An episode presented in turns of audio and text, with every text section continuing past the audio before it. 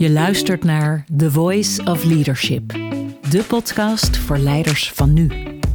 Onze snel veranderende wereld vraagt om leiders met lef, die leiden vanuit hoofd en hart en met oog voor de toekomst. Die verbinden, inspireren en anderen weten mee te nemen in een duurzame visie.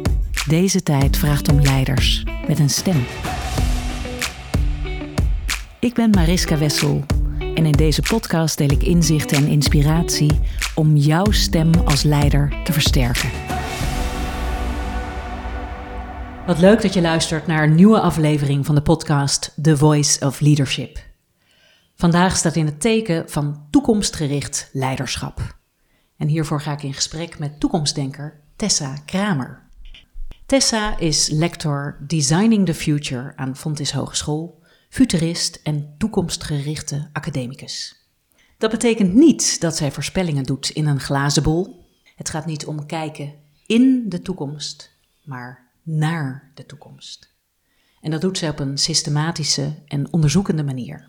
Het is dus zowel de kunst en kunde van het lange termijn denken waar zij in thuis is. Ze verdiept zich in nieuwe manieren om de toekomst sturing te geven en pleit daarbij ruimte te maken voor het onzekere, het ongemakkelijke en het niet weten. En hier zit ik dan tegenover Tessa. De microfoons staan aan, klaar voor een gesprek waarin we ons laten leiden, ons laten meenemen in het onbekende en in de toekomst van de komende 45 minuten. Welkom Tessa. Dankjewel, wat spannend. 45 minuten toekomst. Ja, klinkt als een lifetime, hè? Ja. Zeker. Tessa, ik kondigde je al aan als futuroloog. Hè? Niet iemand die in de toekomst kijkt, als een soort waarzegger, maar iemand die naar de toekomst kijkt. En dat is een zeer wezenlijk verschil in wat jij doet. Kan je dat nog eens in je eigen woorden uitleggen? Absoluut. Ik hoor inderdaad vaak achteraf, als ik dan bijvoorbeeld iets heb verteld of heb gedeeld, dat mensen zeggen: Hé, ik had totaal wat anders verwacht. En wat ik doe is, ik, uh, ik ben niet bezig met science fiction. Ik probeer niet toekomsten in te vullen. Wat ik vooral aan het doen ben, is kijken naar hoe kun je nou mm, in de vorm met de toekomst aan de slag gaan. Dus hoe kun je nou zelf actief die toekomst onderdeel maken van je dag. En dat doe ik met name omdat ik zag dat we wel heel erg getraind zijn in terugkijken. Dus bijvoorbeeld in een middelbare school leren we over geschiedenis. Maar dat ik eigenlijk zag als een soort blinde vlek dat we niet de connectie maken met wat er gaat komen, met die toekomst. Omdat ik ook zag dat we vaak een beetje uit het heden worden weggehaald. Dus dat bijvoorbeeld ik zelf best wel moeite had met besluiten nemen die geïnformeerd waren en die nou ja, ook uh, uh, niet alleen op basis van angst waren ingegeven, maar ook bijvoorbeeld uit enthousiasme. En, en wat voor een besluit? Kan, kan je een voor, voorbeeld noemen? Mm, mijn besluit om te gaan studeren, wat een, natuurlijk een heel belangrijk moment is in het leven. Ik was 18, ik woonde in Arnhem, ik wilde zo snel mogelijk weg. En ik was heel erg op zoek naar een plek waar ik me thuis zou voelen. En ik wist, ik wil naar Amsterdam toe. Dat, dat was één ding wat zeker was. Dat we. ik, ik, kwam van de middelbare school Ede en ik had ook één ah, ding voor ogen. Ik ga naar Amsterdam. Mooi. Geweldig, hè? Ja, ja en ik uh, uh, besloot toen sociologie te gaan doen. En achteraf denk ik, nou ja, dat is een, op zich een prima keuze. Ik weet niet helemaal waarop dat gebaseerd was. Het was niet een hele bewuste uh, keuze van dit, dit moet het zijn. Ik wilde eigenlijk de toekomst studeren, maar dat was er niet. Dus het werd gewoon iets anders. Ja. En ik denk wel dat als ik op dat moment al de tools had gehad die ik nu heb, dat ik wellicht nog wel, uh, nou misschien kunstacademie was gaan doen. Of naar het conservatorium was gegaan. Of echt wel ja. ander soort dingen was gaan doen. Ik ben toch heel blij dat jij sociologie bent gaan doen en futurisme eigenlijk op de kaart hebt gezet. Want je bent gepromoveerd op Becoming Futurist. Ja, becoming. Ja, ik uh, heb de toekomstdenkers op een heel groot podium gezet. Omdat ik dacht, het is echt wel nodig om meer waardering te gaan uitspreken voor uh, deze beroepsgroep. En het zijn paradijsvogels, heel eigen. Uh, niet altijd meteen te begrijpen, dat is bij mijn werk ook het geval. Maar ik zie wel de urgentie van veel meer die lange termijn weer in ons blikveld krijgen. En die lange termijn onderdeel maken van ons alledaagse leven, juist van het nu. Ja. Heb je veel weerstand ondervonden? Vanuit die academische wereld, hè, waar we natuurlijk heel erg. Nou, ik, ik, geef bijvoorbeeld les op Wageningen University. Ik weet, als daar mensen van die PhD's uh, presenteren, het gaat altijd over meetbare dingen. Hmm. En jij bent volgens mij minder van het meetbare, klopt het? Dat klopt, ja. Ik uh, heb zelf eigenlijk vooral uh, weerstand ervaren in mijzelf. Uh, dus ik heb niet per se heel veel weerstand ervaren van buitenaf. Het zat vooral in mij. Ja. En waar het in zat, was dat ik mm, op een gegeven moment me realiseerde dat ik mijn proefschrift eigenlijk heel eng aan het benaderen was. Dus heel erg vanuit de sociologie. Dat was heel erg mijn denkkader geworden. Mm -hmm. En ik zag, ik kan die uh, bijzondere, diverse groep uh, futuristen niet goed duiden als ik alleen dat kader blijf vasthouden. En ik kwam op een gegeven moment in Boston bij het MIT Media Lab. Wat voor mij echt een soort walhalla was. Dat ik daar binnenkwam en dacht, wauw, kan het ook zo op de universiteit? Want dat was een heel eigen, heel creatieve plek. Het aandemde gewoon iets heel nieuws voor mij. -hmm. En daardoor ben ik heel erg beïnvloed dat ik voelde van, oh, ik mag gewoon de ruimte nemen om mijzelf in te brengen in die wetenschap. En ik hoef het niet te doen volgens de, wat ik dacht dat regels waren, dat het allemaal eng in één discipline moest, die sociologie. Eng in, zeg maar in de zin van dat het een beetje gekaderd is, gehokt, uh, zou ik het misschien wel noemen. Ja. Um, dus ik, uh, ik heb inderdaad wel een uh, stap toen genomen van, oké, okay, het mag echt breder, meer van mijzelf. En dat heeft mij veel mij vrijer doen voelen in de wetenschap. Want ik zie ook hoe belangrijk wetenschap nu ook is. Om de wereld te begrijpen, te duiden. Dus ik verhoud me daartoe op mijn manier. Ja, ja voordat ik mij verdiepte in, in jouw werk en jouw onderzoeksveld, dacht ik wel, hè, de toekomst voorspellen, dat gebeurt al veel. Natuurlijk ook echt in de wetenschap en waar wij ook als, als mensen mee geconfronteerd worden. Uh, bedenk de IPCC-rapporten en, en de scenario's die geschetst worden. En dat zijn toch ook hele waardevolle manieren van een toekomst duiden. Hoe verhoud jij je daartoe? Ja, die, die, die IPCC-rapporten onder andere zijn ontzettend belangrijk om de urgentie van deze tijd concreet te maken, helder te maken, uit te rekenen. Ik ben inderdaad zeker niet van die school, maar ik ben wel um, eigenlijk ge, gelieerd werk aan het doen. Door niet inhoudelijk over die toekomst te spreken. Dus ook ik formuleer geen toekomsten zelf. Um, omdat die toekomsten altijd in beweging zijn. Die toekomst bestaat niet in zekere zin. En ook weer wel. Dat is het, natuurlijk het verwarrende eraan. Ja. Maar wat ik doe is ik help mensen om vaardig te worden in hoe je er zelf naar kan kijken. En hoe je er zelf mee aan de slag kan gaan. Dus ik maak eigenlijk de verbinding tussen IPCC en wat daarvoor gevoelens bij ontstaan. Van onzekerheid, van af en toe wanhoop, van um, nieuwsgierigheid naar hoe kan het dan anders. En dat vertaal ik heel erg naar, oké, als je nu opstaat, je bent je dag begonnen, wat kan jij dan doen in jouw dag om betekenis te geven en bij te dragen aan het grotere geheel? Mooi. Proef ik daar bijna in, hè? Jou, jouw proefschrift uh, was Becoming Futurist. Dat je bijna probeert om de mensen in de maatschappij mee te nemen in een proces Becoming Futurist? Om zelf onderdeel te worden van een toekomst die we maken? Mm, die vraag die raakt mij, ja. Um, het woord becoming heeft op deze manier veel betekenis voor mij. Dus het, het, ik merkte ook net toen je me daar vroeg dat ik hem ook herhaalde. De, de, dat je de titel van mijn proefschrift noemde en ik zei, ah, becoming. het heeft iets, een speciale betekenis omdat ik vaak zag, en ook uh, wat ik zelf ook deed met toekomstdenken, was dat ik heel erg op zoek ging naar de quick fix, naar de shortcuts, naar de, naar de kortste route naar de toekomst. Om zekerheid te vinden, op wat voor manier dan ook. En ik, op een gegeven moment ben ik ook wel gaan soul searchen van, is dat nou de manier om met die toekomst om te gaan? En ik kwam daarbij onder andere uit bij het boek van Krista Tippett, Becoming Wise. En dat heeft me geraakt, omdat ik daarbij opeens heel erg sterk zag ah, wacht even, becoming wise is iets wat eigenlijk nooit eindigt.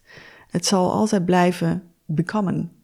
Ja. En dat is ook iets met onszelf in de samenleving. Ons verhouden tot die toekomst is ook iets wat zich continu aan het ontvouwen is. Wat niet een eenduidig antwoord heeft of wat niet iets is wat in de, de tijd vastgezet kan worden. Het is een continu proces waarbij we echt mogen loslaten, waarbij we op zoek mogen gaan naar wat betekenis geeft. En, en dat kan dus ook per dag verschillen. Ja. Ja, als ik jou dat woord hoor uitspreken, dan gebeurt er ook heel veel bij mij. Het is, het is prachtig dat je zegt, het becoming is, een, is iets waar geen einde aan zit, hè, wat zich mag ontvouwen. En laten we hopen dat dat een uh, hele lange eeuwigheid nog mag zijn. Ja. ja. Ik heb jou in het najaar voor het eerst gezien en toen ik eigenlijk dacht, ik wil jou eens uh, ondervragen en met je in gesprek gaan. En dat was ook een vond ik een hele mooie middag. En ik had het boek van Roman uh, Krisnaric gelezen. Maar daar hoorde ik hem erover vertellen. En in een symposium jullie daar een gesprek over voeren. En we gingen in groepen uiteen. En we werden aan het denken gezet om zelf deel uit te maken van het maken van die toekomst. Is dat de sleutel naar mensen activeren in deelnemen in lange termijn denken. Kan je daar iets over vertellen? Absoluut. Het is uh, een boek dat mij ook heel erg heeft gestuurd. De Goede Voorouder. Um, wat ik daar mooi aan vind is dat ik werd zelf ook vorig jaar moeder van mijn dochtertje Oceaan. En dat was eigenlijk een moment waarop ik me realiseerde dat ik opeens een onderdeel was van een systeem. Dus dat mijn ouders opeens opa's en oma's werden. Uh, dat mijn dochter opeens een dochter was en dat ik opeens een moeder was. En dat, dat, dat heeft zoveel invloed gehad op hoe ik naar de wereld keek. Mm -hmm. En ook ik kon uitzoomen en een nieuw perspectief zag. En dat is iets wat ik ook hoop met de toekomst. Het is eigenlijk af en toe ook het kantelen van je eigen besef. Dat je um, de wereld op heel veel verschillende manieren kan bekijken. Ook weer afhankelijk van nieuwe rollen die we aannemen, van keuzes die we maken. Uh, en wat ik mooi vond op die dag zelf was dat er ook een oefening was, die jij ook hebt meegemaakt, waarbij er verbinding werd gemaakt met je ouders, die achter jou stonden, en de ouders van jouw ouders, die daar weer achter staan, waardoor er opeens een al wat grotere groep ontstaat. Ja, dus dat zijn je opa, opa en oma, hè? dus dat, dat is nog heel tastbaar. Dat is nog heel tastbaar. Ja. ja. En dat ze vervolgens ook benoemden van... hé, hey, wacht even, maar zij hadden natuurlijk ook ouders... je overgrote opa's en oma's. Het wordt dan nog een grotere groep. En eigenlijk ging dat nog best een paar generaties zo door... waardoor ik dacht, wow, wat staan er eigenlijk veel mensen achter mij? Wat sta ik op de schouders van veel andere mensen? En toen werd heel mooi de switch gemaakt naar de generaties voor je. En dat is een type denken wat ik echt wel over de jaren ben gaan leren of ben gaan onderzoeken ook van hoe, hoe kan ik daar verbinding mee maken. Want het, het, het verleden, dat is iets, ik kan me dat heel erg voorstellen. Ik, ik heb nog van die oude grijze fotootjes in fotoboeken van mijn ouders gezien. Maar natuurlijk die toekomst, dat is iets wat, waarvan we denken dat het er nog niet is. Dus ook in onze verbeelding is het ook iets wat nog echt nog te, te maken is. Waarbij beelden mogen worden gecreëerd. En in die meditatie gebeurde dat. Dus daar werd gezegd, hè, of werd ook benoemd van... denk aan je kinderen of kinderen van je vrienden. Uh, een generatie die voor jou staat. Maar denk ook eens aan hun kinderen. En de, en de kinderen ja, dus die zij weer... oma Tessa. Oma Tessa. En dan vervolgens de kinderen die zij weer zullen krijgen. Die mij, zij zullen mij dus niet meer kennen en ik hen niet. En wat ik zo mooi vind aan het denken van uh, in, het, in het boek De Goede Voorouder, wat, ik, wat mij heel erg raakte was dat het ook niet alleen over je eigen kinderen gaat, maar ook over de kinderen van anderen. Ja. En dat is iets, dat is een type denken, daar werd mijn wereldbeeld even door gekanteld. Van ook bijvoorbeeld, er werd ook beschreven van hoe denken we eigenlijk over erfenissen? We denken dan heel erg in monetaire, hè, in geld. Mm -hmm. Dat geef je dan aan je kinderen. Maar wat, wat geef je eigenlijk aan de wereld? En wat geef je aan kinderen van anderen? Dat, dat is eigenlijk heel vaak helemaal niet in geld uit te drukken. Nee. Daar zit voor mij wel heel erg een driver van. Kan ik met het werk dat ik aan het doen ben mm, iets doen? En vandaag had ik een gesprek met mijn collega Merlijn Twaalf over, met wie ik ook het project Onzekere Zaken organiseer. Ja. En ik zei tegen hem: Zijn wij nou druppels op een gloeiende plaat? Heeft ons werk het verbeelden van die toekomst, het nadenken over wie willen wij eigenlijk zijn, heeft het nou eigenlijk zin? En toen zei hij, Tessa, het regent op die gloeiende plaat. Zo ja, mooi. Mooi, ja. mooi. Ja, en, en al die druppels, hè, die, die, de, de rippling effect, als je daarin gelooft, dat raakt elkaar weer aan. Ja. Het verdampt niet. Laten we nee. daarvan uitgaan. Nee, en ik vond het ook een heel fijn idee. We zijn niet alleen. Nee. Nee, dat, dat vond ik um, in die middag over lange termijn denken voor een korte termijn wereld, hè, waar, waar we elke keer op zaten, vond ik vooral dat gevoel wat we hadden in die meditatie. En er werd een, een kaarsje gebrand voor die generaties die er waren geweest, maar ook voor die generaties die komen. En waar, wat ik me heel erg besefte is, de generaties die zijn geweest, daar ken ik de verhalen van. En inderdaad soms ook de plaatjes. Maar wat gaan de generaties die komen voor verhalen vertellen over ons? En ik hoop dat, dat ik op een bepaalde manier toch um, aan dat lichtje mag refereren wat daar brandt. Want ik, ik weet het eigenlijk niet. Hmm. Ik vind het symbool van een kaarsje branden heel dierbaar. Ik doe het vaak in de kerk. Ik ben niet gelovig opgevoed, maar op de een of andere manier heeft het zoiets monumentaals. en uh, ik vind het ook mooi dat je dat verbindt aan de generaties voor en na ons. Um, nou, misschien mogen we aandachtig zijn bij hoe je dat beschrijft. Ja. ja. En bij die mooie symboliek daarvan. Ja, de intentie voor het, uh, voor het branden van dat licht en, en die vele regenstralen, druppels op die gloeiende plaat, die, uh, die voel ik. Die meditatie is een manier om bijvoorbeeld die mindset van het lange termijn denken in jezelf te oefenen. Het is, het is bijna een soort spier hè, die, je, die je moet oefenen. Als ik uh, Roman Krisnaric aanhaal, hij zegt: we hebben het marshmallow brein, dat is dat snelle brein, dat korte termijn brein van impulsief kopen, consumeren, genieten. Vandaag uh, leven we leven maar één keer. En dat zogenaamde eikelbrein, hè, waar, waarbij we echt zorg dragen voor die toekomst. Heb jij nog een andere oefening in dat lange termijn denken? Want we, in de wereld worden we natuurlijk voornamelijk geprikkeld op die korte impulsieve aankopen en op het consumeren, op het genieten en niet te veel nadenken misschien. Absoluut, ja. Wat een, een, uh, iets is wat ik elke dag probeer te doen, is één vraag stellen. Het is ogenschijnlijk simpel, maar een van de moeilijkste dingen die ik aan het doen ben. Namelijk, wat doet er toe? Wat is nou echt belangrijk vandaag? En het interessante is, ik heb op een gegeven moment in het begin van dit jaar, uh, we zitten nu een paar maanden in 2022. En ik heb in het begin van het jaar besloten om een voornemen te doen wat echt een beetje anders was dan anders. Namelijk mijn jaar, in, nou ja, de tijd in mijn jaar zoveel mogelijk inrichten in de dingen die ik belangrijk vind. Kijken wat er gebeurt. Dus het was 1 januari. We vierden het nieuwe jaar. En ik begon mijn dagen en ik realiseerde me al na een week, dit gaat, loopt helemaal in het honderd. dat lukt me helemaal niet. Ik ging mijn mails de hele tijd checken. Ik liep achter mijn eigen staart aan. Ik had vaak haast. Dat ik op de fiets zat en voelde, weet je, dan zit ik op de fiets en dan zit ik te redeneren van, oh, wat zou, wat zou ik zeggen tegen diegene dat ik een kwartier te laat ben. Dat vind ik eigenlijk echt niet oké. Okay. Uh, maar ik had eerder weg moeten gaan, maar ja, ik had daar eigenlijk geen tijd voor. Ik was eigenlijk continu in tijdnood. Mm -hmm.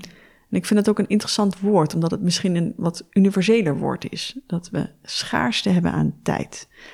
Dus ik ben op onderzoek uitgegaan naar hoe kan ik nou mijn tijd dan zo besteden dat ik in ieder geval minder gevoel heb van haast. Meer doe wat er toe doet voor mij. Waardoor ik hopelijk ook meer doe wat er toe doet in de wereld. En die inspireert me daar enorm in. Zij zegt: How we spend our days is how we spend our lives.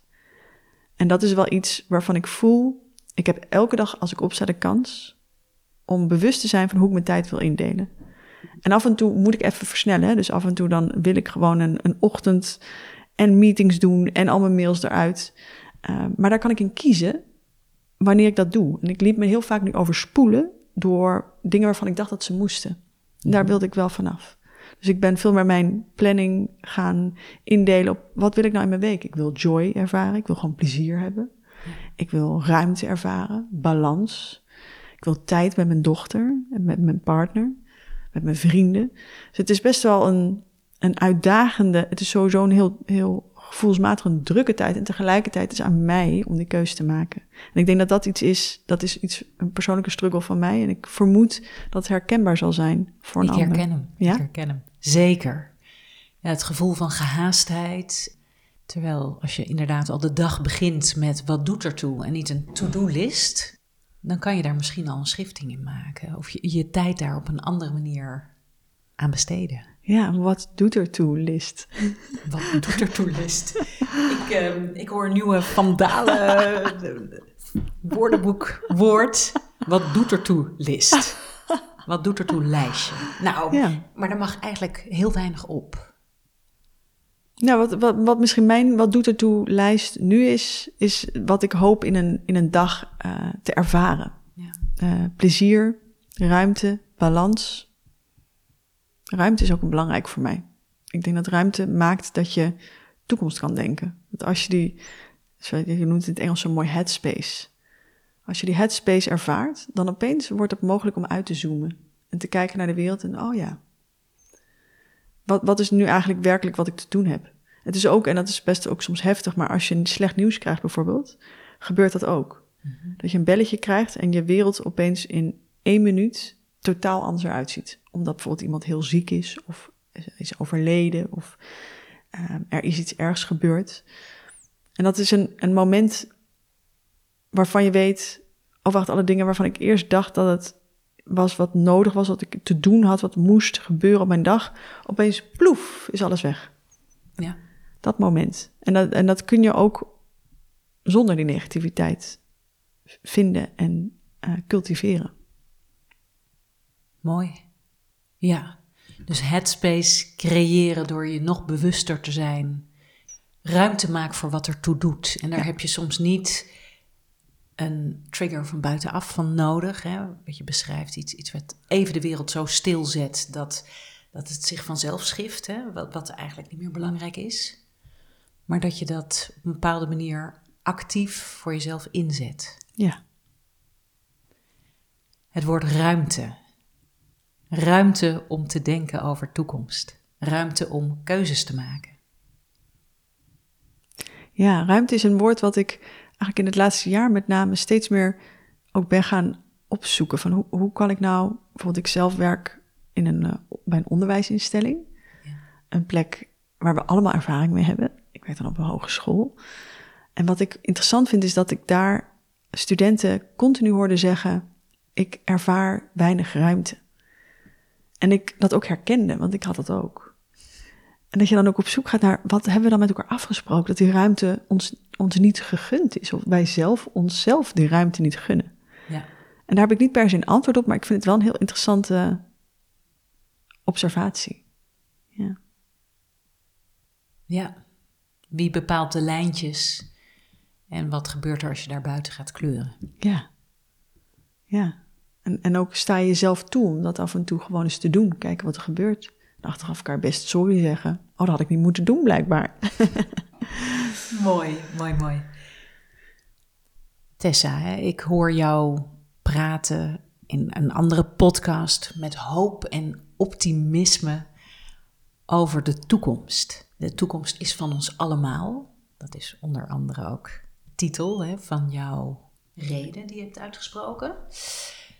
En we kunnen de toekomst iedere dag maken. En ik had zelf in coronatijd ook het gevoel, ja, dat kunnen we. Omdat we werden stilgezet. De wereld was stil, leeg. In de beperking kregen we opeens heel veel ruimte. Tenminste, zo heb ik dat ervaren. En het voelde voor mij ook als een hoopvolle uitnodiging om de dingen in de wereld te bezien en andere keuzes te maken. Alleen vandaag is het misschien niet toevallig dat wij hier zitten te praten over die toekomst. Is het ook Earth Day? En het is een van de allerdrukste dagen op Schiphol met mensen die weer met een vliegtuig op vakantie gaan. En ik merk bij mezelf dan toch ook heel erg het gevoel van hoe hoopvol is die toekomst? Hè? Als we zo snel weer terugvallen in het patroon wat we, wat we hadden en waarvan we weten, wij moeten daar toch een verandering in maken. Deel jij iets van mijn teleurstelling of doemdenken? Of heb je daar een andere manier van kijken op die mij weer kan helpen? Het is voor mij wel het vuur waarom ik doe wat ik doe. dat ik inderdaad van jou hoor. Op Earth Day is het weer in tijd niet zo druk geweest op Schiphol. Um, wat ik merk dat ik dan snel verval in oordelen. En ik merk dat dat me niet helpt. Dus het, het, uh, waar ik ook wel over de afgelopen jaren wel achter kwam met het toekomstdenken en dat verder brengen ook in de vorm. Hoe kan je dat nou doen? Um, is iets. Nou, we eindigen vaak met. Uh, we beginnen vaak met het einde. Dus dat, dat we, als we over toekomsten nadenken, we vaak geneigd zijn om conclusies te trekken. De toekomst, die zit zo in elkaar. Het is wanhopig, het is despair, het komt nooit goed. En het interessante is dat je daarmee zowel de toekomst eigenlijk vormt, want dat is al een verbeelding, maar ook uh, een bepaald vocabulaire of taal geeft die andere mensen ook in die mood brengen. Namelijk, oh jee, het wordt helemaal niks. en ook vaak een beetje lethargisch kan maken, eh, wat ik, nou, wat meer een soort van het achteroverleunende kan maken. Dat je denkt, ach, de wereld gaat toch naar de verdoemenis. Ik kan maar beter mijn, uh, mijn wodkaartje erbij pakken en gewoon lekker uit het raam gaan staren. Dat is natuurlijk wel iets wat, wat ik zelf ook veel ervaar. En waar ik ook wel naar op zoek ben gegaan, naar hoe kan ik nou um, voor mijzelf ook die bron op, op een andere manier aanboren. En ook die toekomst vanuit een andere plek bezien. Uh, dus wat ik uh, ben gaan doen is ook op zoek gaan naar, oké, okay, hoe kan ik nou um, dat oordeel, wat blijkbaar onderdeel is van mijzelf, uh, hoe kan ik dat eigenlijk begrijpen? Dus ik ben bijvoorbeeld uh, Rosenberg, die heeft een heel mooi uh, boek geschreven, Geweldloze Communicatie. Wat heel erg gaat over als je ergens heel veel van vindt, dan is het blijkbaar iets wat heel erg veel in raakt. En dat vond ik eigenlijk heel bruikbaar. Ik dacht, ja. oh wacht, ik, ik bekommer mij om de wereld. Ik wil dat het beter wordt. Ik wil een goede toekomst. En al helemaal nu ik moeder ben. Ik wil een goede toekomst. En dat, alleen al dat zeggen maakt dat mijn hart een beetje een sprongetje maakt. Dat ik ook voel van, oh, blijkbaar alleen al door daar woorden aan te geven, kan ik dat dus ook zelf creëren als bijna een soort, um, hoe kan ik het noemen, um, een alternatief. En dat is ook wel heel erg de kern van mijn vak, dat we niet per se heel erg inzoomen op de toekomsten zelf, die zijn berekend, uh, ook vrij rationeel vaak zijn benaderd, maar dat we kunnen zeggen, er zijn alternatieven. Die toekomst staat helemaal niet vast. Die toekomst is een plek waar we zelf gestalte aan kunnen geven. En dat geeft mij echt hoop. En, en met name, er is voor mij een heel groot verschil tussen het woord optimisme en het woord hoop. Mm-hmm. Optimisme gaat heel erg uit van het komt sowieso goed. En hoop gaat veel meer uit van we hebben werk te doen. Ja. En daar, dat laatste, daar voel ik veel bij. Van ik, ik zie heel erg wat er gebeurt. Ik voel heel veel urgentie om van richting te veranderen met elkaar, maar ook in mijzelf. Um, en die verandering, dat is altijd een, een beetje een soort van. Ik zie het vaak een beetje als een. dat je aan de ene zijde van een ravijn staat. een draad hebt gespannen naar de andere kant. Je weet dat er een andere kant is. En dan gaat proberen daar stap voor stap. langzaam naar die overkant te komen. Het is gewoon doodeng, super spannend. Je zweeft een beetje. Je, je, je, je hebt iets heel nieuws te doen. Je weet niet precies wat er ook aan die andere kant zal zijn. Want het is nog best wel een stukje, stukje uh, uh, uh, laveren naar die overkant. En dat is wel een um, metafoor die mij ook wel weer helpt. Van nou ja, het is ook werken. Het is niet van de een op de andere dag goed. Whatever that may be. Ja. Maar er is, wel, er is wel een lijn waar je overheen kan gaan lopen. En jij, jij bent er. Ja. Om dat te doen. Ja. Hoop, dat vind, vind ik de allerbelangrijkste. Maar toch blijf ik hem lastig vinden. Dus, dus ik kan hem observeren en dan vertalen uh, dat op Earth Day, weet je, waar we worden uitgenodigd om ons heel bewust te zijn van uh, de toestand van, van deze planeet en het, het wankele evenwicht waar we op zitten. En dat je ook ziet hoe mensen handelen. Hè? Dus dat zien en dan zeg jij toch vertalen naar dat je bij jezelf merkt dat het een vuurtje, een vlammetje in je doet. En hem zo omzetten. Ja, ik vind het ook interessant dat het bij jou nog niet lukt.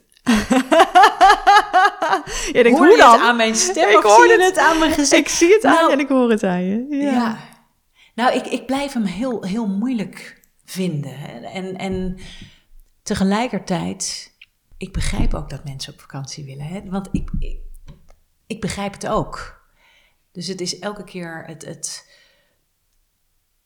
het zelf ook laveren tussen welke keuze maak jij daarin en welke keuze maken andere mensen daarin. En tegelijkertijd ook wel weten dat voor het grotere plaatje, naar die toekomst en ook dat lange termijn denken, moeten we wel iets in ons gedrag veranderen. Hmm.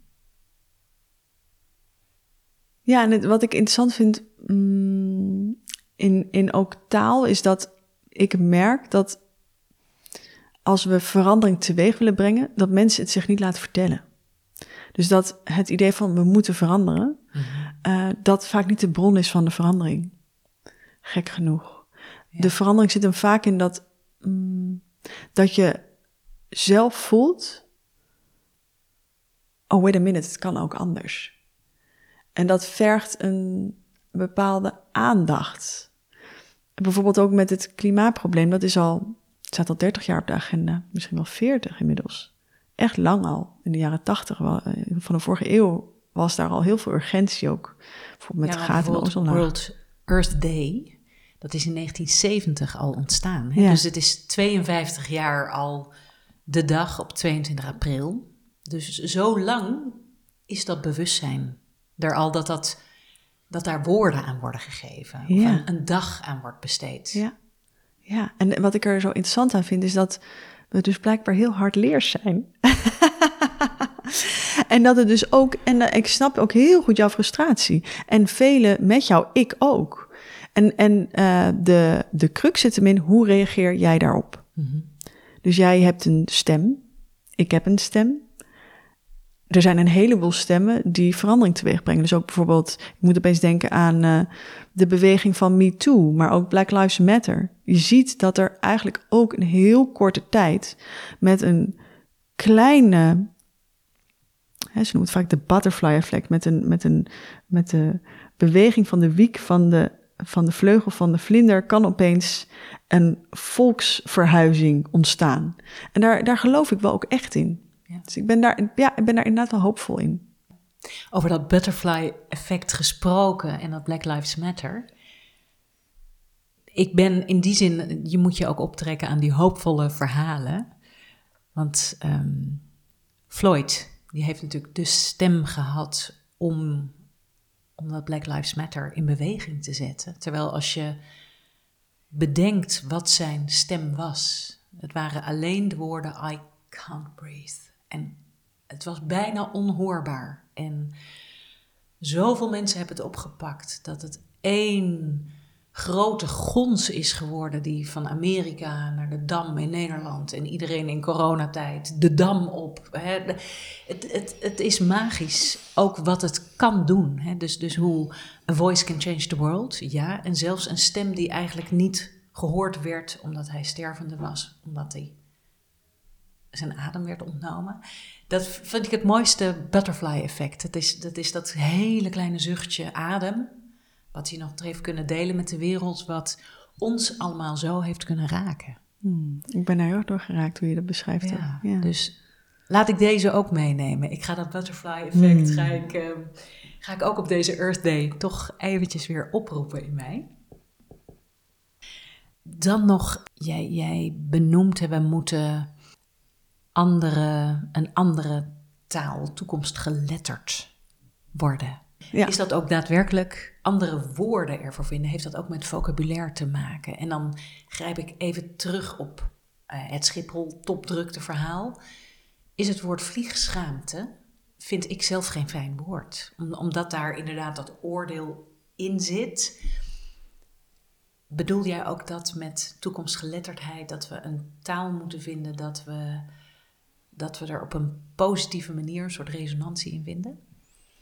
Ja, ik, ik moet ook denken aan het gesprek dat we net hadden over George Floyd. Dat eigenlijk een fluistertoon een wereldbeweging op gang kan brengen. En dat ook af en toe met die toekomst er heel, wat ik heel erg zie, is dat het vocabulaire is misschien meer dan alleen taal. Het is eigenlijk ook ehm, ik kan er misschien nog niet helemaal woorden voor vinden, grappig genoeg. Um, maar het is misschien ook wel um, het uh, kunnen zijn met bijvoorbeeld dingen niet weten. Dat ook in de pandemie, wat me echt opviel, was dat op het moment dat we het niet wisten, iedereen het wist. Dus de talkshows zaten vol met allemaal experts die allemaal gelijk hadden. Ook de, de, de grootste polen hadden allemaal gelijk. En dat heeft me heel erg aan het denken gezet. Hoe gaan wij eigenlijk om met onzekerheid? En hoe gaan wij eigenlijk om met dingen die we niet weten? En op de een of andere manier wordt dat direct geëlimineerd. Waardoor die taal eigenlijk, hè, of, of misschien zelfs wel het gevoel van dat niet weten en de gevoel dat we krijgen van die onzekerheid, wat ook heel ongemakkelijk kan zijn, eigenlijk heel weinig ruimte krijgt. En, en daardoor missen we misschien wel een. Ik heb het maar geprobeerd toekomstgeletterdheid te noemen. Of ik, ik heb het niet geprobeerd, ik noem het dan nu zo. Um, ik weet niet of dat ook het beste woord ervoor is. Daar ben ik ook een beetje onzeker over. maar dat ik wel voel van er is nog wel een vocabulaire wat we aan het maken zijn om meer te praten of meer te denken over die lange termijn. Uh, er zijn ook neurowetenschappers die bijvoorbeeld hebben onderzocht dat we eigenlijk onze, onze brein werkelijk niet uh, gemaakt is om de lange termijn in het oog te houden. Het gaat heel erg om de korte termijn behoeftebevrediging bijvoorbeeld. En wat ik daar zo interessant aan vind, is dat dat betekent dat we moeten werken daarvoor. Maar ook al, dus we missen en het vocabulaire, we willen het liefst zo snel mogelijk ervan weg. En we hebben ook dan nog het probleem dat ons brein ons helemaal niet helpt. en we moeten er echt hard voor werken. Dat maakt dus eigenlijk dat het een enorme inspanning is om die toekomst tegemoet te treden. Dus dat is wel ook waarom ik zie van we moeten niet alleen over de inhoud van die toekomst spreken en daar ons zorgen over maken. We moeten ook actief aan de slag met hoe dan? Want ik heb daar dus ook niet het antwoord op. Maar ik probeer wel in ieder geval richtingen te creëren. Denk, denkpaden die nieuw zijn, waar mensen van kunnen denken: oké, ik ga me eens een keertje af, die onzekerheid. Ik zeg mijn baan op en ik ga gewoon eens helemaal omarmen dat ik een paar maanden niets ga doen. Alleen dat idee al is heel heftig. Mooi. Zoeken, ruimte geven aan de zoektocht. Pathfinding. Ja, mooi woord. En dan de vraag, hè, want je zegt, um, we willen altijd woorden overal voor hebben. En wat mij ook altijd opvalt is, um, bij zo'n regering, er zijn zakken met geld opeens te besteden. En we doen net alsof we precies ook weten waar, waar we het kunnen inzetten. Terwijl ik zet zelf vraagtekens erbij. Laten we eerst eens in kaart brengen, je, wat is er nou echt nodig? Wat is er echt belangrijk? En mijn vraag aan jou is dan ook: stel je voor dat jij als uh, raadsvrouw van de toekomst eens zou mogen aanschuiven aan die regeringstafel. Is er dan één bepaalde vraag die jij zou kunnen neerleggen om meteen mensen in die ruimte te laten denken en niet meteen te laten reageren? Ja, dit vind ik echt mijn hart gaat hier helemaal een beetje van. Uh, welt een beetje op, omdat ik dit zo graag zou willen doen. en welke vraag ik zou stellen? Ik heb hem al eerder gesteld, deze podcast. Wat doet er toe? Want dat valt mij op in de afgelopen jaren. Dat een beetje pijn aan mijn hart doet om te zien hoe het er aan toe gaat in de politiek. Met name in Den Haag, maar lokaal en provinciaal ook wel. Dat er verkeerde. En daar heb ik echt wel een oordeel over, kleine disclaimer. Dit hier heb ik nogal wat oordeel over.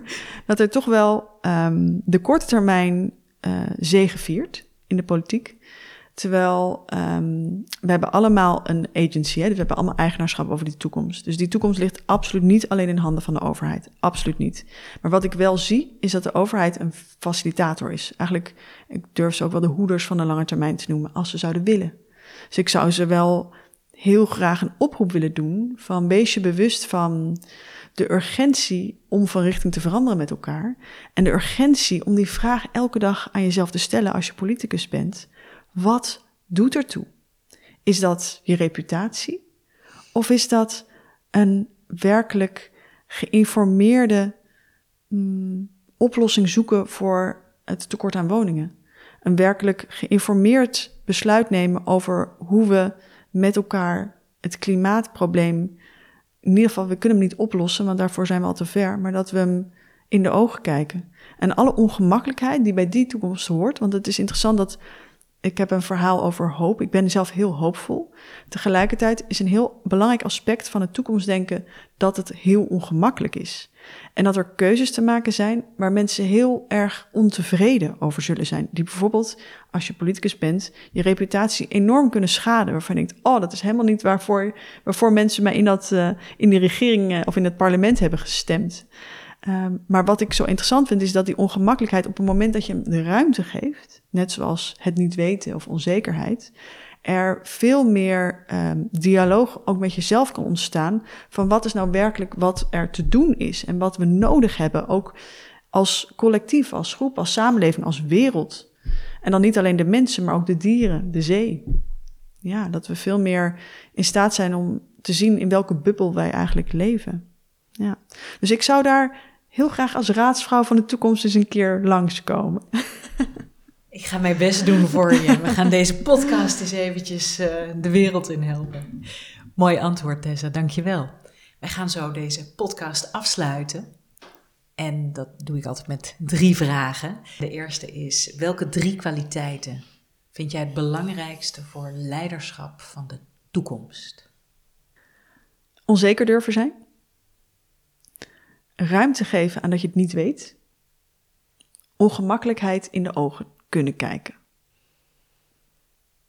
Dat vind ik hele uitdagende kwaliteiten als ik ze zo beluister. Mooi, dankjewel. Welke stem of wie heeft er op jou een grote invloed gehad op wie jij bent of wat jij doet? ik moet denken aan twee mensen. Mijn moeder, en mijn dochter. Ja, de drie generaties. Mijn moeders stem is heel zuiver en al heel erg gevormd. Ze heeft een heel mooi vocabulaire, kan heel mooi woorden geven aan wat er nodig is in de wereld. Echt vrouwelijke kracht. En mijn dochterstem, zij is nu net wat ouder dan een jaar. Haar stem is nog aan het groeien. Zij, haar stem is nog aan het ontstaan. Maar wel en heel puur. Heel puur. Dus ook dan af en toe dan beluister ik haar en dan hoor ik haar geluid maken, waar ik zo door gefascineerd ben. En ook de, de kleine details daarvan. En dat, dat is iets wat ik eigenlijk bij andere stemmen niet zo hoor. Het is een andere, een nieuwe perceptie van een stem. En dat ik ook voel van wauw, dit is een stem die ik, waar ik als moeder, uh, ik mag haar, uh, haar hoeden. Ik mag haar, haar uh, het is haar stem, maar ik mag er wel bij zijn om te zien hoe die zich gaat ontwikkelen. Prachtig. Prachtig ook dat je benoemt bij je, bij je moeder, zeg je. Het is, het is een pure stem, want ze heeft zo de woorden. En bij je dochtertje het geluid. En, en dat, dat je soms helemaal geen woorden nodig hebt om een bepaalde expressie over te brengen. Mm, absoluut. In stilte kan je elkaar heel goed leren kennen, of in geluid. Ja. Je hebt daar helemaal geen woorden voor nodig. Mooi is dat, ja. Dan als laatste, welk woord, motto of spreuk wil je dat er middels jou resoneert in de wereld? En ik kan het bijna raden, maar um, verras me. De toekomst is van ons allemaal. ik vind hem prachtig. Dankjewel Tessa voor dit mooie gesprek. Voor de mooie 45 minuten toekomstdenken. Minuten die nu alweer geschiedenis zijn, maar zo verworden tot een podcast waar hoop ik veel luisteraars inspiratie op doen om samen iedere dag aan de toekomst te bouwen. Wil je op de hoogte blijven van het werk van Tessa? Ga dan naar de website www.tessakramer.com en schrijf je in voor de nieuwsbrief. We hebben het in deze podcast ook veel gehad over Roman Krasnaric, en in de show notes vind je meer achtergrondinformatie over deze filosoof en de auteur van het boek De Goede Voorouder. Dank je wel voor het luisteren en graag tot een volgende podcast.